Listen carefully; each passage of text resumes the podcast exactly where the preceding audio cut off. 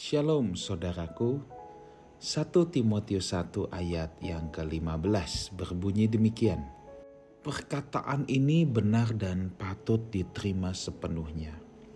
Kristus Yesus datang ke dunia untuk menyelamatkan orang berdosa. Dan di antara mereka, akulah yang paling berdosa, kata Paulus. Saudara bayangkan bila seseorang tiba-tiba mengetahui bahwa dia adalah anak angkat atau anak pungut dari orang tua yang mengasuh selama ini. Ya. Dia dirawat dengan sangat baik selayaknya anak sendiri. Dia begitu dikasihi oleh orang tua yang merawatnya. Saudaraku, ketika dia tahu bahwa sejatinya dia bukan anak kandung, apa yang akan dia lakukan? Dia pasti akan sangat berterima kasih menyadari betapa besar kasih orang tua angkatnya. Dan dia pasti mau berusaha lebih lagi untuk bisa berbakti, menyenangkan orang tuanya. Bahkan kelak kalau ia menikah punya anak, ia pasti juga ingin menyayangi anak kandungnya, mendidik, merawat sebagaimana ia juga telah dibesarkan ya. Dan pasti ia akan sangat-sangat-sangat mengasihi saudara orang tua angkatnya tersebut. Nah, kitab 1 Timotius ya, itu ditulis oleh Paulus sejak akhir hidupnya. Sejak pertobatannya, Paulus telah melakukan begitu banyak pelayanan ikut merintis jemaat di berbagai kota. Paulus telah menempuh begitu banyak bahaya dan penderitaan karena Injil.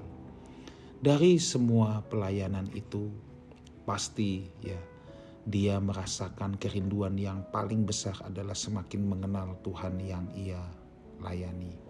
Di akhir hidupnya Paulus tidak menjadi sombong. Paulus berkata, Kristus Yesus datang ke dunia untuk menyelamatkan orang berdosa. Dan di antara mereka, akulah yang paling berdosa. Kenapa saudara? Dia merasa nggak layak saudara. Ya. Dia pernah menganiaya jemaat Kristen. Rasul-rasul lain tidak.